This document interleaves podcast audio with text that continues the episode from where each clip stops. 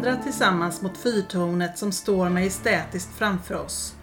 Samuel tar upp en nyckel ur fickan och han låter mig känna på den. Här! Känn! Vad får du till dig?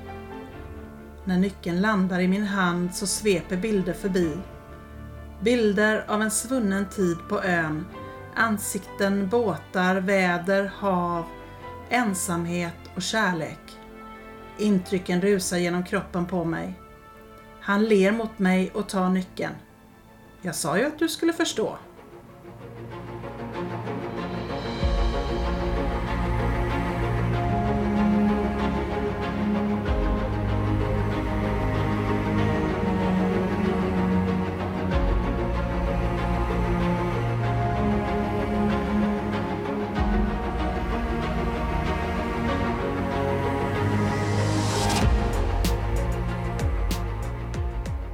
Varmt välkomna till vår podd Magiska möten. Här delar vi med oss av våra upplevelser till er lyssnare genom att berätta om spännande och på olika sätt känslomässiga möten som vi genom åren haft med det övernaturliga. Sedan man var liten har man fått lära sig att sanningen endast kan bevisas genom fysisk existens. Men i den här podden släpper vi logiken och låter känslorna och intuitionen leda oss rätt. Vi heter Caroline och Mikaela och ska ta med er på vår resa in i det okända. Nu börjar Magiska möten.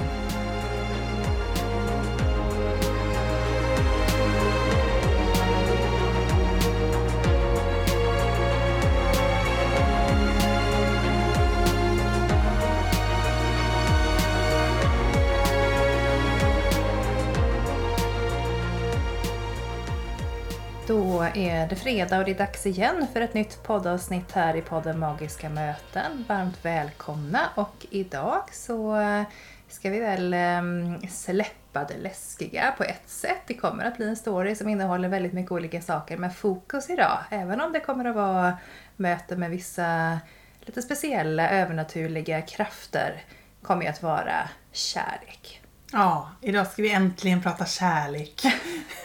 Som vi har väntat och längtat. Ja, alltså vi pratar ju ofta om kärlek för det andliga arbetet utgår ju från kärlek. Så vi pratar ju nästan egentligen bara om kärlek. Eh, Och det är ju det viktiga med det andliga och mediala arbetet tänker jag att förmedla kärlek på olika sätt och vis. Man ska ju känna i hjärtat att det ska kännas bra. Men idag ska vi ju faktiskt få ta del av en kärlekshistoria. Så idag blir det ju eh, kärlek på alla fronter tänker jag. Ja, för det är ju nästan två kärlekshistorier i en här på något vis. Ja, flera, flera stycken skulle jag säga. Eller hur? ja, så det är spännande. Ja, det ser vi fram emot. Mm. Och jag är jätteglad för att jag hade förmånen att få uppleva det här fina mötet. Eh, så att välkomna till mitt avsnitt som heter Fyrtornets magi.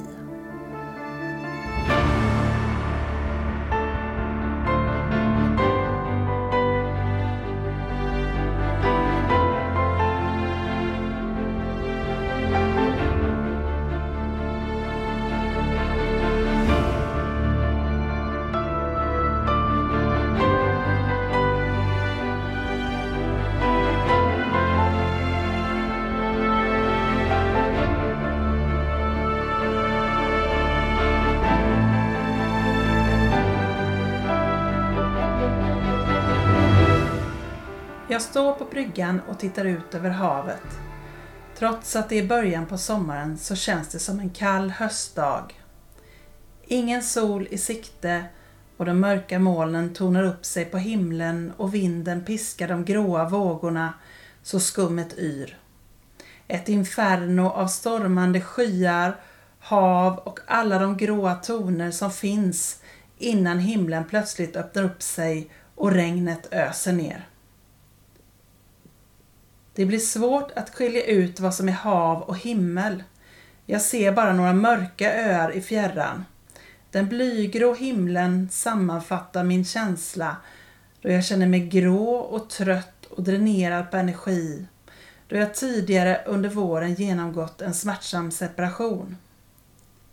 Livet har hamnat på plats igen med nytt arbete och bostad.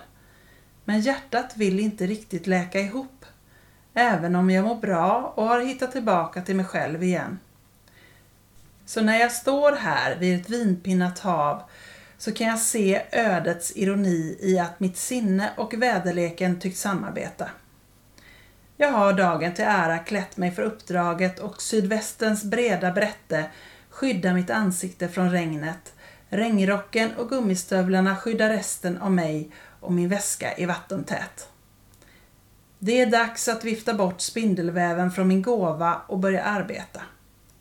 För en vecka sedan så landade ett sms i mobilen med en förfrågan om jag var tillgänglig för ett medialt uppdrag, en husrensning. Jag tackade ja eftersom det var länge sedan jag hade förmånen att få en förfrågan och jag var förväntansfull inför uppgiften. Jag hade redan flera A4-sidor antecknade om olika förnimmelser som jag hade haft under veckan och att jag behövde stanna ett dygn på platsen det bekymrade mig inte alls.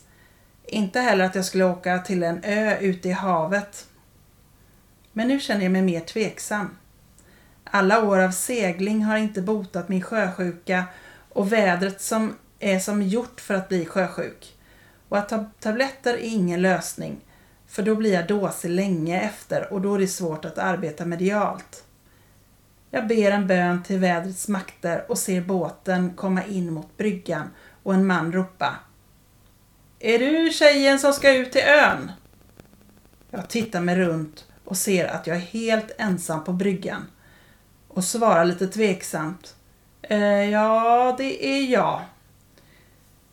Jag har bara fått instruktioner via sms och den som har undertecknat har gjort det med ett S. Så jag vet inte ens om det är en kvinna eller en man som anlitat mig. Mannen presenterar sig inte eller tar mig i handen utan tar min väska och jag kliver ombord på båten. Tack och lov finns det en möjlighet att sitta inne under färden. En öppen båt i det här vädret hade varit riktigt opraktiskt. Mannen har inte sagt ett ord sedan vi lämnade fastlandet. Han har inte ens sneglat åt mitt håll och mina försök att prata har varit lönlösa. Så till slut så förstår jag att han är rädd och minns att det finns en stor vidskepelse bland sjöfolk. Så jag låter honom vara och försjunker i mina egna tankar. Men jag tycker att det är bra märkligt att han har anlitat mig om det nu skrämmer honom så mycket. När den långa båtresan når sitt mål och vi lägger till vid bryggan så tar mannen min väska och sätter ner den. Så fort jag har satt fötterna på bryggan så lägger han ut igen. Jag blir så paff att jag ropar efter honom. Hallå, ska jag vara själv här? Jag hämtar dig när jag får besked, svarar han bara och jag står helt förbryllad kvar. Vädergudarna har lugnat sig och vinden har mojnat och av regnet syns inte ett spår, bara i det vilda havet runt ön. Jag skriver ett sms om att jag är på plats och hoppas på att få fler instruktioner. Men när displayen blinkar till så står det bara Bra. En stig leder in mot ön och jag börjar gå den i hopp om att få nya instruktioner och svar. Jag kan inte låta bli att häpna över det vilda havet, de karga klipporna och skönheten på platsen och vid flera tillfällen så stannar jag till för att beundra utsikten och det är precis som om platsen och vinden blåser bort mitt tungsinne och fyller mig med ny kraft och energi. Jag har ju hamnat i ett äventyr och allt är riktigt nytt och spännande. Helt plötsligt närmade sig en man på stigen. Han är några år äldre än mig gissar jag och ser ut som om han tillbringat mycket tid ute på sjön. Han är väderbiten, solbränd, rakryggad och har havet i sin blick. Han hälsar kort. Samuel, det var jag som kontaktade dig.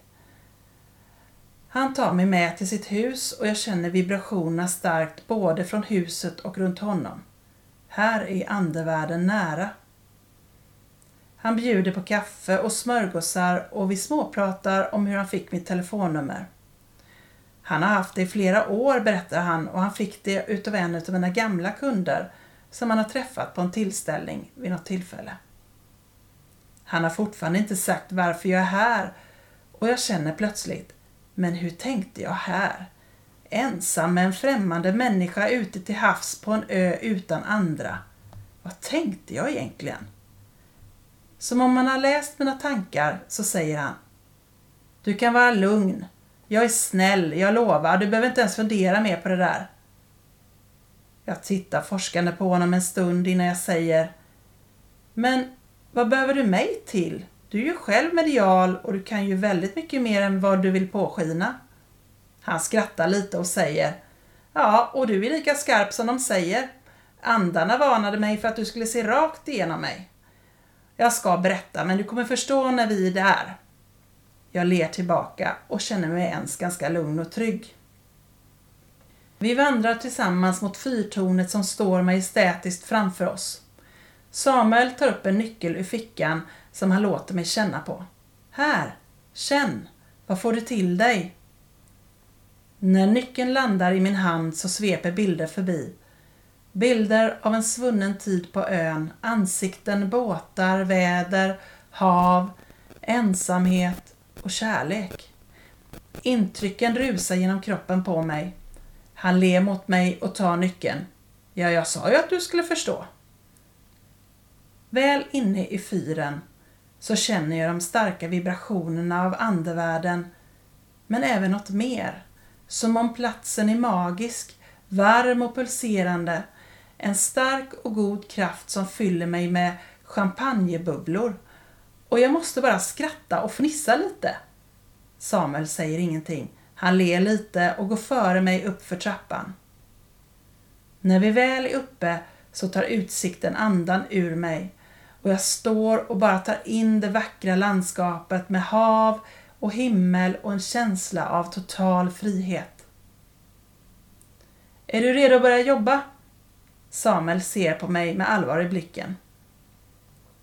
Jag ler, fortfarande lycklig och uppfylld av den fina energin runt omkring oss och nickar till svar. Jag tar en stund och samlar mig och plötsligt förändras atmosfären. Det slår i dörren där nere och det ekar i hela fyren. Och steg hörs i trappan och en stark energi med ilskna inslag närmar sig. Min lyckobubbla försvinner och andens starka energi intar det lilla utrymmet. Mannen är stark och hans energi överväldigar mig och jag stapplar till. Han känns som en despotisk tyrann som styrde med järnhand och som behövde ha allt på sitt sätt. Det fanns bara ett rätt sätt och fick han inte som han ville så utkrävde han hämnd. Riktigt obehaglig energi och det går kalla kårar genom min kropp och håret står rakt ut på armar och ben. Energin släpper inte taget och backar undan utan tar bara mer och mer utav utrymmet i fyrtornet och mina försök att kommunicera drunknar i andens kraftfullhet. Jag börjar känna att jag nog tagit mig vatten över huvudet. Den här energin blir svår att arbeta med. Samuel ser eller känner min tvekan och tar min hand för att ge mig stöd och kraft. Det är som om jag får en stöt och en känsla av en urladdning i min kropp. Som ett blixtnedslag under ett åskoväder och jag stirrar chockat på Samuel.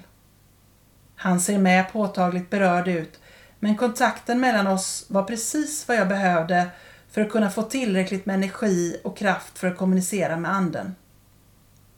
Han vill inte riktigt prata med mig utan förmedlar en känsla av mycket stark ångest och jag förstår att det är något som tynger honom så att han inte kan släppa denna världen.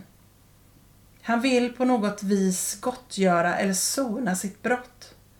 Han börjar visa mig sina minnesbilder som en film och jag ser att Samuel ser och upplever detsamma. Han släpper inte min hand utan bibehåller kontakten hela tiden. Den gamla fyrmästaren visar mig bilder av en ung kvinna som stiger i land på ön och som jag förstår kommer att arbeta som lärarinna för de barn som bodde på ön. Hon har ett härligt mjukt sätt och hennes leende lyser upp ett helt rum. Hon arbetar med barnen och hennes arbete präglas av lekfullhet och värme i den karga och stundtals hårda miljön.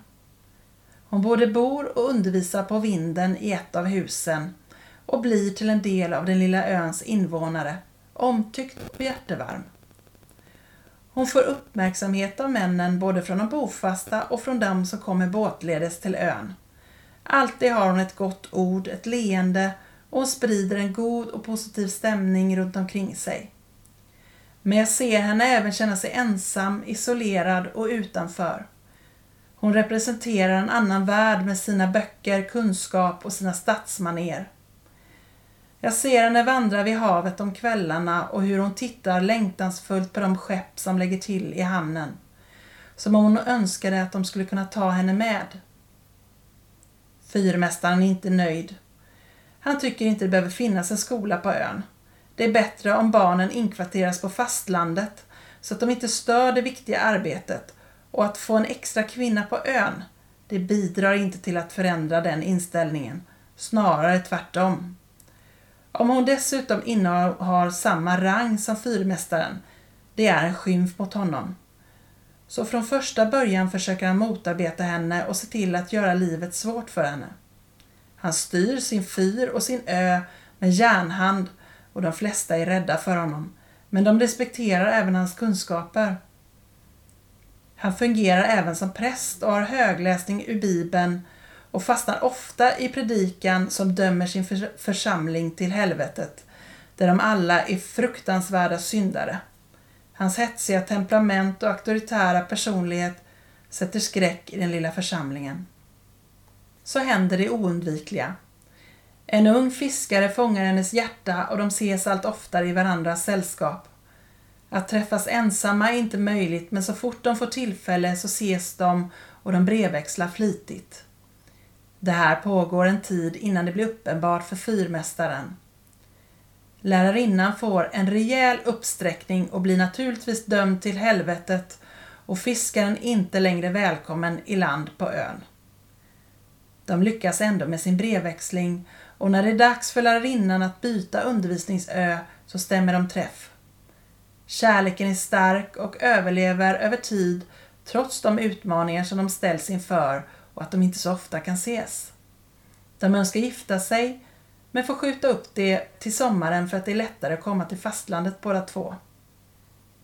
Så är hon tillbaka på ön igen och det blir svårare för dem att mötas och det står även klart för henne att hon väntar barn. Hon sänder bud till fiskaren och han beslutar sig för att komma och besöka henne på ön. Han blir hindrad redan i hamnen och trots att det blåser upp så får han bege sig vidare. Han förliser i det hårda vädret och hennes sorg är så gränslös att hon kastar sig ut från en klippa. Två av fyrmästarbiträdena ser hennes hopp från klippan och lyckas med gemensamma krafter att rädda hennes liv även om hon förlorar barnet. Hon arbetar kvar som lärarinna men händelsen förändrar henne och hennes krossade hjärta vill inte läka och relationen mellan henne och fyrmästaren är och förblir frostig fram tills att hon lämnar ön för gott. Fyrmästarens skuldtyngda berättelser går rakt in i hjärtat på oss och vi känner med det olycksdrabbade kärleksparet som så grymt slets isär av vädrets makter och fyrmästarens despotiska beslut. När berättelsen ebbar ut så har både fyrmästaren och vi tårar som rinner längs våra kinder och vi känner den ofattbara sorgen och skuldkänslorna omsluta oss. Men även om tiden inte läker alla sår så är tiden förlåtande. Och när det är dags för den gamla mannen att släppa taget om hans älskade fyrplats så möts han i ljuset av sin familj och så fort han lämnar är det som om även platsen och fyren får frid. Vi står i tystnaden en stund och försöker ta in upplevelserna och samla oss när vi hör det slå där nere i fyrtornets dörr och ekot gör att vi rycker till. Vi hör fotsteg i trappan och plötsligt så står det unga vackra kärleksparet framför oss i all sin strålglans och kärleken som de utstrålar fyller fyrtornet med en magisk energi och en elektrisk spänning i hela luften. Kvinnan vänder sig till mig och hon tackar mig för mitt arbete men säger även det är dags nu. Jag förstår inte vad hon menar. Dags för vad då? Du är kallad till ditt uppdrag i livet. Hon ler som om det är helt självklart vad hon pratar om. Du ska bli lärarinna. Hon ser uppfordrande på mig. Jag blir stum och mycket frågande men utbrister till slut. Eh, men hur vet du det? Hon ler och säger Det står skrivet i stjärnorna. Och jag hör hennes milda skratt eka i fyrtornet när hon tonar bort framför mina ögon. Chocken står skrivet i mitt ansikte. Jag brukar inte själv få direkta budskap av andar som jag träffar på det här sättet. Samuel säger tyst. Du får nog ta henne på orden, för jag kände en stark visshet inom mig när hon sa det. Vi står kvar i fyrtornet länge och tittar ut på den spektakulära solnedgången på havet och klipporna och njuter av den vackra kvällen. Han tar min hand och ser mig djupt i ögonen och säger Det här är livet då du och jag inte får varandra. Jag nickar. Det gör ingenting. Du har mött din kärlek redan och jag är nöjd om vi kan vara vänner. Just nu är vänskap det som jag behöver mest av allt. Samuel nickar och ser sorgsen ut. Jag ler och säger Det gör mig ingenting, jag lovar. Men Samuel säger Mig gör det någonting. Den här själsliga samhörigheten som vi har, den är ovanlig. Då måste vi vårda den så att den inte går sönder. Och just nu är både du och jag på en plats i livet där vi inte är förmögna att älska någon så som de verkligen förtjänar, säger jag. Han nickar. Då ska det bli den bästa vänskapen någonsin. Och vi skrattar. Det ska det, kontrar jag. Och vi sitter kvar i tystnad och ser hur stjärnorna tänds på himlavalvet och hur en fullmåne uppenbarar sig och speglar sig i havet. På båten på väg därifrån så får jag tillfälle att reflektera över vad som hänt och känner att den starka magiska stämningen, upplevelserna och möten med Samuel har förändrat mig. Att möta en like, någon som förstår utan ord och få lov att dela det, gör att jag känner att mitt brustna hjärta har påbörjat läkningen. Det stormgråa havet och regntunga skyarna som mötte mig för ett dygn sedan har klarnat upp och där jag sitter ser jag ut över ett blått hav och en strålande vacker soluppgång och de röda strålarna smeker vågorna. Längre bort ser jag en ensam fiskmås och jag förundras över livets växlingar. Hur moll blir till dur och hur skönt det är att livet inte kommer med ett facit. Att vi får möjlighet att överraskas av allt det där vackra hur många bitar våra hjärtan än brister i så krävs det bara en känsla av samhörighet, vänlighet och en ny upplevelse för att det ska börja läkas igen.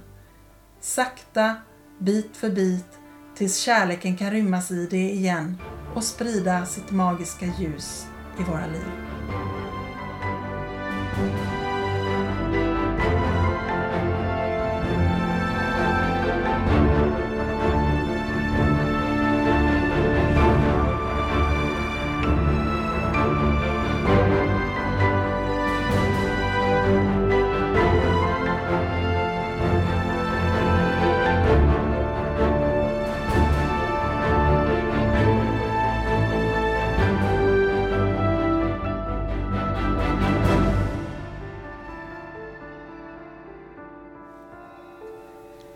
Vilken otroligt fängslande berättelse. Jag är um, väldigt nyfiken och har mycket frågor efter att ha hört dig berätta Mikaela. Det är så många delar i den här historien.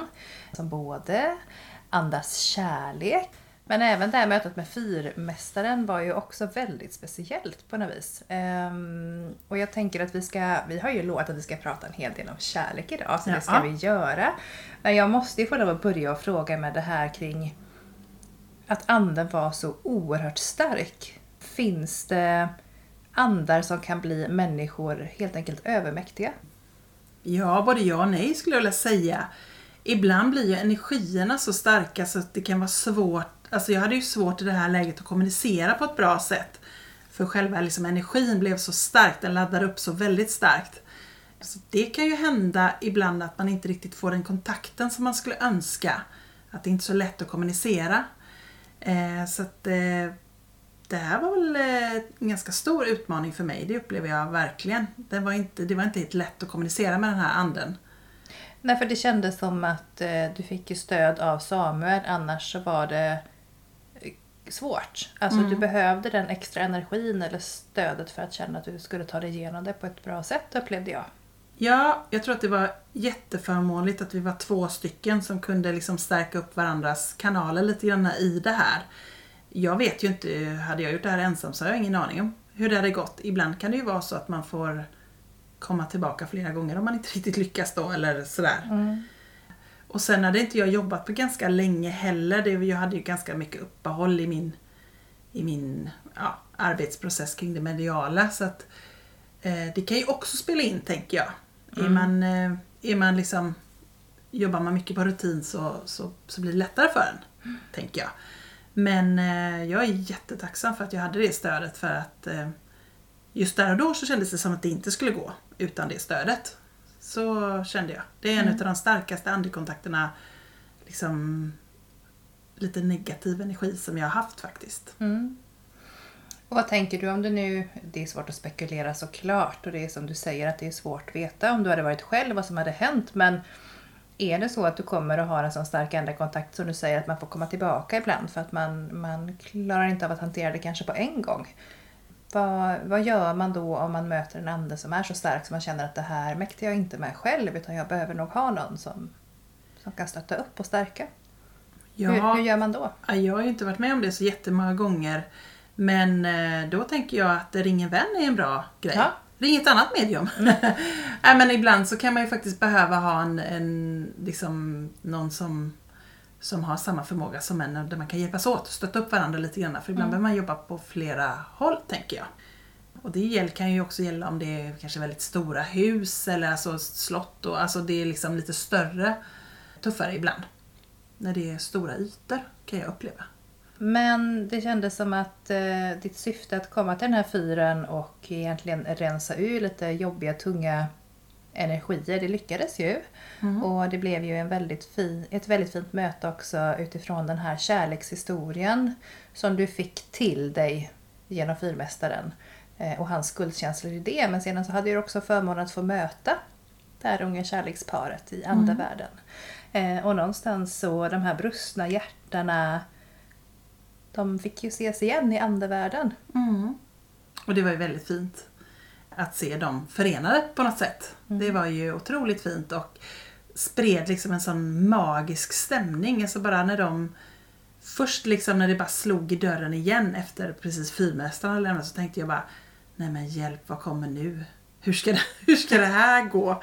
Jag kände liksom så här, jag fick lite hjärtklappning och bara eh, okej. Men sen när de kom så kändes det så fint. Alltså det var helt, eh, ja, det var verkligen magiskt att få träffa dem. Du beskrev ju också när du kom in i fyren, eller redan innan du gick in i fyren och fick känna på nyckeln till dörren och sedan känslan när du kom in först och du kände det här liksom lite som champagnebubblor genom kroppen. Tror du att det var deras kärlek som avspeglade sig eller var fick du de känslorna ifrån? Alltså, ja, det kan det absolut ha varit men jag tror framförallt att jag upplevde att nästan själva platsen var lite magisk eller liksom att det var, det var en väldigt god känsla i, i marken eller i, i liksom ja, men i den lilla ön på något sätt. Att det, det, kändes, det kändes väldigt speciellt. Och jag tror att det var ju precis vad jag behövde som hade ett ganska brustet hjärta och var ganska ledsen egentligen. Och eh, jag behövde nog få känna den lite magiska känslan. Så att eh, för mig var det ju alldeles perfekt i tid just då att uppleva det.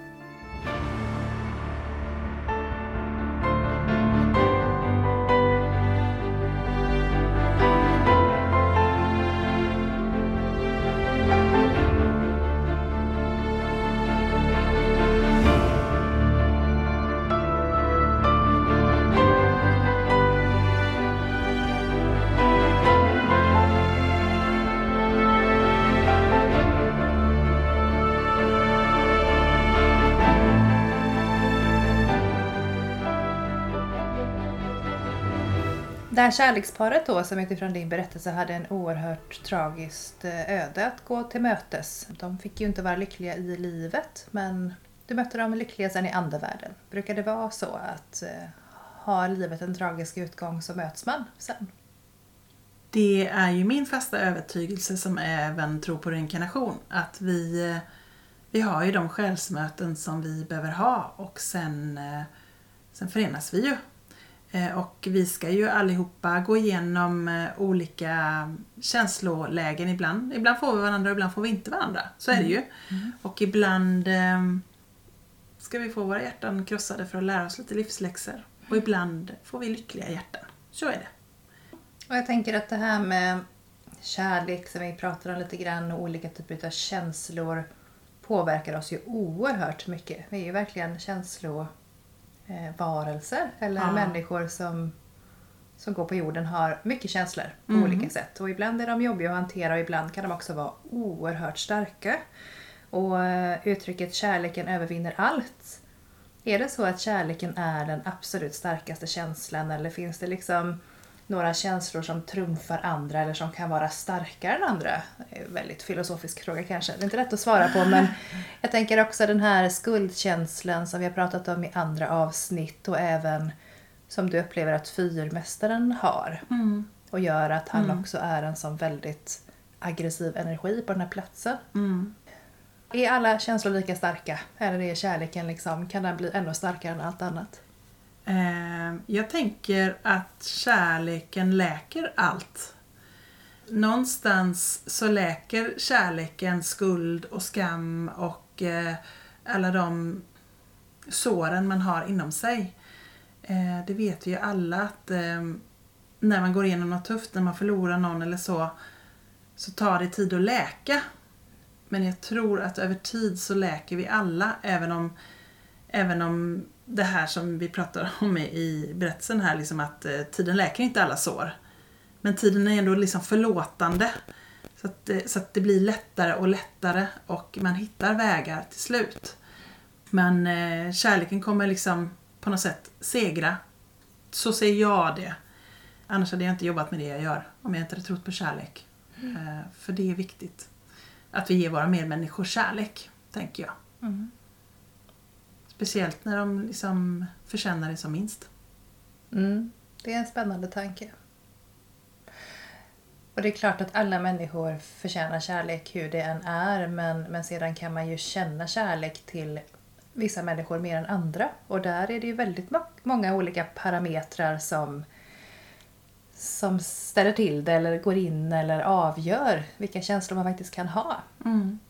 Det finns ju naturligt att man har känslomässiga band till de som är en nära eller rent blodsmässigt. Att man har band till. Men det är ju inte alltid att det är så. Att man är, har mest kärlek till den som är närmast rent Nej, i familjen. Nej, precis. Vad tror du är avgörande i de här sammanhangen för att man ska känna kärlek till någon? Oj, det är många saker tänker jag som spelar in. Men jag tror att en känsla av samhörighet är nog väldigt viktigt. Mm. Eh, det skapar ju ett band. Men det kan ju också vara att man känner ömhet för någon, att man känner eh, nej som till sina barn så känner man ju kanske en ömhetskänsla och att man känner att ett, ett behov av att beskydda dem och, och att det är den typen av kärlek. Så det finns ju många olika typer av kärlek, tänker jag. Eller kärleken till en medmänniska kan ju också vara att man, man känner samhörighet men man känner samtidigt att man, man behöver finnas där för den. För en del människor är det väldigt viktigt att få vara behövda och få finnas där för någon annan. Lika viktigt som det är att någon annan finns där för dem. Jag tänker att det är en viktig, en viktig del. Precis, och det här med olika typer utav kärlek så ehm, upplevde du något speciellt också i mötet med Samuel? Det gjorde jag ju.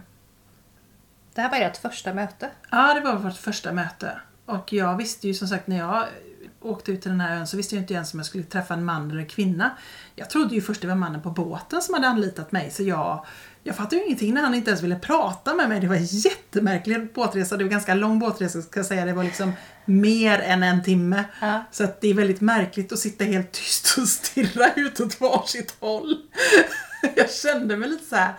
Men vad, varför har han liksom anlitat mig om han inte ens vill säga hej? Typ, eller ta mig i hand eller? Alltså, det, var, en märklig upplevelse. Tills jag förstod att han mer var taxichaufför än något annat. Men jag tänker att där eh, uttrycker det i slutet av berättelsen någon form av själslig samhörighet. För ni kan ju ganska direkt konstatera, eller ni, ni, ni säger till varandra att det här livet, i det här livet så får vi inte varandra. Nej, och det var Samuel som sa till mig och innan den här händelsen, som han säger det, så, så har vi ju fått ett starkt, vi fick ju starkt band med en gång. Jag kände att han läste mina tankar. Och han berättade ju vid ett annat tillfälle sen att han, han upplevde att jag gjorde detsamma, att vi kunde, vi kunde läsa varandras tankar. Eh, på något sätt, att vi visste direkt vad den andra tänkte och kände. Så det var ett väldigt starkt själsligt band som vi fick liksom redan innan vi gick upp i den här fyren och fick den här upplevelsen. Så efteråt då när vi står och pratar och han säger liksom det så känns det väldigt sant i mig. Jag förstår precis vad han menar. Men jag vet inom mig också att han har träffat sin sanna kärlek i det här livet. Det är inte jag. Nej. Det vet jag direkt liksom och det är därför jag säger som jag gör. Eh, samtidigt som jag var väldigt eh, Ja, men jag hade verkligen hjärtat krossat ordentligt och det var krossat länge. Det var, det var en jättetuff separation. Så att jag var inte där. Eh, Och det var inte han heller. På något vis. Så att hade, men det är ju som man säger många gånger. Liksom, men hade det varit en annan tid, en annan, alltså så, så kanske vi hade, men nej. Liksom. Men eh, där och då enades vi om att bli verkligen så nära vänner liksom, och bästa vänner och göra det bästa efter den relationen. Och det tycker jag vi gjorde. Och det är också en form av kärlek tänker jag. Ja, det är en väldigt fin kärlek och den ska man ju aldrig, aldrig förringa. För att ehm, som sagt, det finns ju många olika sort- sorters kärlek och vi behöver alla sorterna, tror jag, i vårt liv för att vi ska må bra.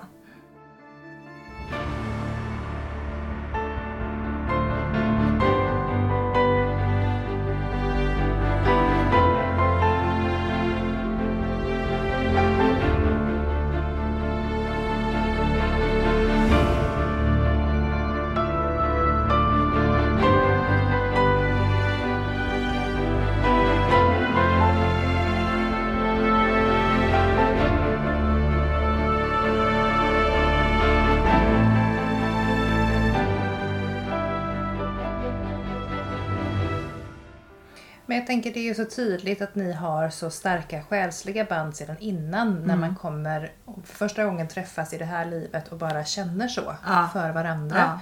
Då är det ju inte första gången man möts Nej. ändå. Nej, Men det inte. hur, hur starka band har man? Har man levt en gång tillsammans innan eller har man levt alla sina liv tillsammans? Eller hur bygger man såna starka, starka själsliga band tror du? Man har levt mer än ett liv tillsammans, det är jag helt övertygad om. Och det som var i den här... Alltså han hade ju samma mediala förmåga som jag hade. Vi vibrerade på något sätt på samma frekvens. Att vi hade... Vi såg och hörde samma saker och det har jag aldrig upplevt med någon annan. Eh, Jag upplever att man ser liknande saker eller att man, att man på något vis förstår varandra. Men aldrig så exakt identiskt, det har jag inte upplevt. Så det var ju verkligen som att vi var en och samma person ibland liksom, när vi pratade om vissa saker. Samtidigt som vi var också väldigt olika. Det som du beskriver nu med att du kände att i vissa stunder så var ni nästan, hade samma tankar, såg exakt samma saker, upplevde samma saker, kanske kände samma saker. Är det det som andra ibland förklarar med begreppet tvillingsjälar, tänker du? Det skulle det kunna vara, att man tänker så. Det finns ju olika tänker jag, begrepp för tvillingsjälar. Vi har pratat lite grann om det innan, det här med tvillingsjälar och att man har en själsfamilj och sådana saker. Men en del skulle nog beskriva det som tvillingsjälar. Det tror jag nog. Att man är liksom som två själar som har verkligen följt varandras åt så. Men, men jag vet inte om jag tycker att vi, vi är tvillingsjälar eller om jag tänker att vi mer tillhör samma själsfamilj och har levt många liv ihop. Och just i det här livet så råkade vi få ungefär samma uppsättning av gåvor eller förutsättningar. Men eh, jag tänker ju också att det kanske hade varit väldigt jobbigt att leva tillsammans. Att, att, att leva som ett kärlekspar i den relationen hade nog varit kanske roligt i början men sen kunde det nog också bli ganska jobbigt tror jag faktiskt. För det blir så intensivt. Och ibland så, så, det har vi också pratat om förut, men ibland så är ju det här eh, när det blir som som en explosion i mötet. Den kärleken kan ju väldigt lätt brinna ut också. Jag tror ju kanske mer på en lite mer långsamt växande kärlek som håller lite längre än den här plötsliga intensiva. Där man bara, åh allting är perfekt och sen tre månader senare så känner man att ja, nej. Mm. Men jag tänker en annan kärleksförklaring som ändå kom till dig på något vis mm, var ju också genom den här kvinnan som mötte dig eh, i andevärlden och, och beskrev din framtid. Ja, det var oerhört spektakulärt ska jag säga. För det har jag liksom inte upplevt direkt på det sättet förut. Nej. Hon var så väldigt också... Det var så självklart för henne så att det var liksom bara konstigt att inte jag förstod det. Mm. Och man kan väl säga att det var något av det kanske sista jag tänkte på i det läget att jag skulle läsa till lärare eller bli det eller... Det var Det var- ingenting som du var Nej, det var inte min, min eh, kopp av te. Det kan jag inte säga. Nej. Så att jag blev liksom så perplex av hela situationen. Men eh, det öppnade ju en dörr inom mig. Och här sitter du, Här utbildad till sitter lärare. jag, ja, oh ja. Och eh, det är ju något av de mest kärleksfulla eh, budskapen jag har fått. Att eh, få den förmånen att arbeta med, med barn och unga. Fantastiskt. Och det har gett mig så oerhört mycket kärlek i livet. Så att kärleken till sitt jobb kan vara något bland av det starkaste man har också.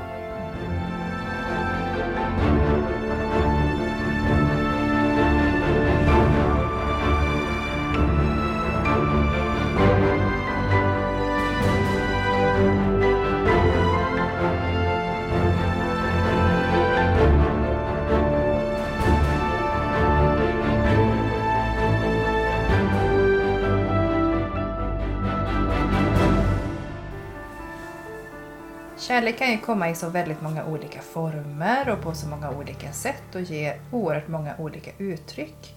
Och um, det är ju nästan konstigt att det bara egentligen finns ett ord för kärlek. Och på ett sätt kan det också vara lite skönt att kärlek kan komma i så många olika former på något vis. Verkligen. Det närmar sig eh, avrundningen för idag och du ska som vanligt Mikaela få lov att eh, lämna ett budskap till våra lyssnare kring det vi har pratat om. Mm. Kärleken är det finaste vi har att ge till varandra. Om vi vågar öppna våra hjärtan för kärleken och för de mirakel som den kan få oss att uppleva så hittar vi vår innersta glädje och vårt livselixir. Sprid kärleken i en blick, en kram eller genom dina handlingar. Våga öppna ditt hjärta för de möjligheter och för den lycka som finns i kärlekens kraft. Tack för de fina orden. Gör gärna så att ni eh, går in på podden Magiska möten på Instagram. Skriv en kommentar. Berätta gärna om någon härlig kärlekshistoria som ni själva har upplevt. Och sen kan vi väl redan nu teasra lite grann om att eh, den här kärlekshistorien har lite uppföljande avsnitt som kommer att släppas om några veckor också. Absolut. Så att Samuel kommer tillbaka. Samuel kommer komma tillbaka. Flera gånger. Flera gånger. Precis. Och då säger vi tack för idag. Tack för att ni har lyssnat. Hej då!